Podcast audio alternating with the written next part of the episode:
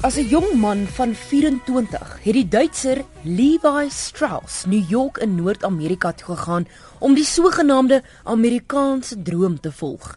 In die 20 jare wat gevolg het, het Strauss hom 'n reputasie opgebou as 'n suksesvolle en gerespekteerde besigheidsman en filantroop in sy gemeenskap.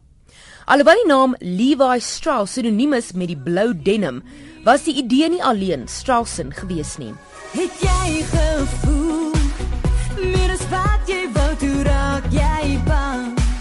Dis hoe dit werk dis wat die liefde doen Laat jou vlieg as jy nie terughou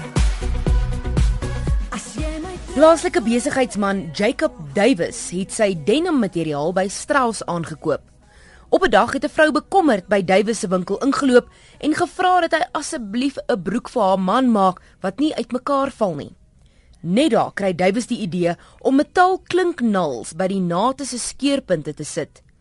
Davis het die idee gehad, maar was op soek na 'n besigheidsvernoot. Levi Strauss.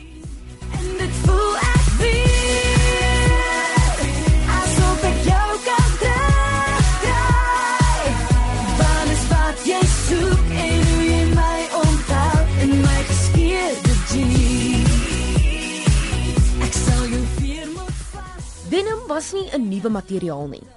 Denim was al vir jare voor die twee manne met hulle idee vorendag gekom het gebruik vir man se werksklere. Maar wat Strauss en Davis se ontwerp uniek gemaak het, is die metaalklinknals wat die denim aan mekaar hou. Die broeke het eers bekend gestaan as oorpakke. Toe dit in 1960 die naam jean aangeneem het, soos die Engelsman sê, en vandag bekend is as die populairste stuk kleredrag op aarde. Of jy nou van hulle geskeur, styf, gebleik of sommer net die tradisionele nommer 501 Levi denim hou, te danke aan 'n vrou wat keelvol was se broeke regmaak, kan jy vandag gemaklik in jou gunsteling denim rondloop.